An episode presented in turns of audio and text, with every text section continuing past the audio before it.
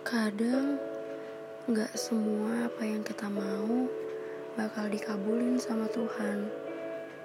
Menurutku, Tuhan tahu apa yang terbaik buat kita. Sampai akhirnya, yang menurut Tuhan gak baik dan menurut kita baik, itu gak akan pernah terkabul.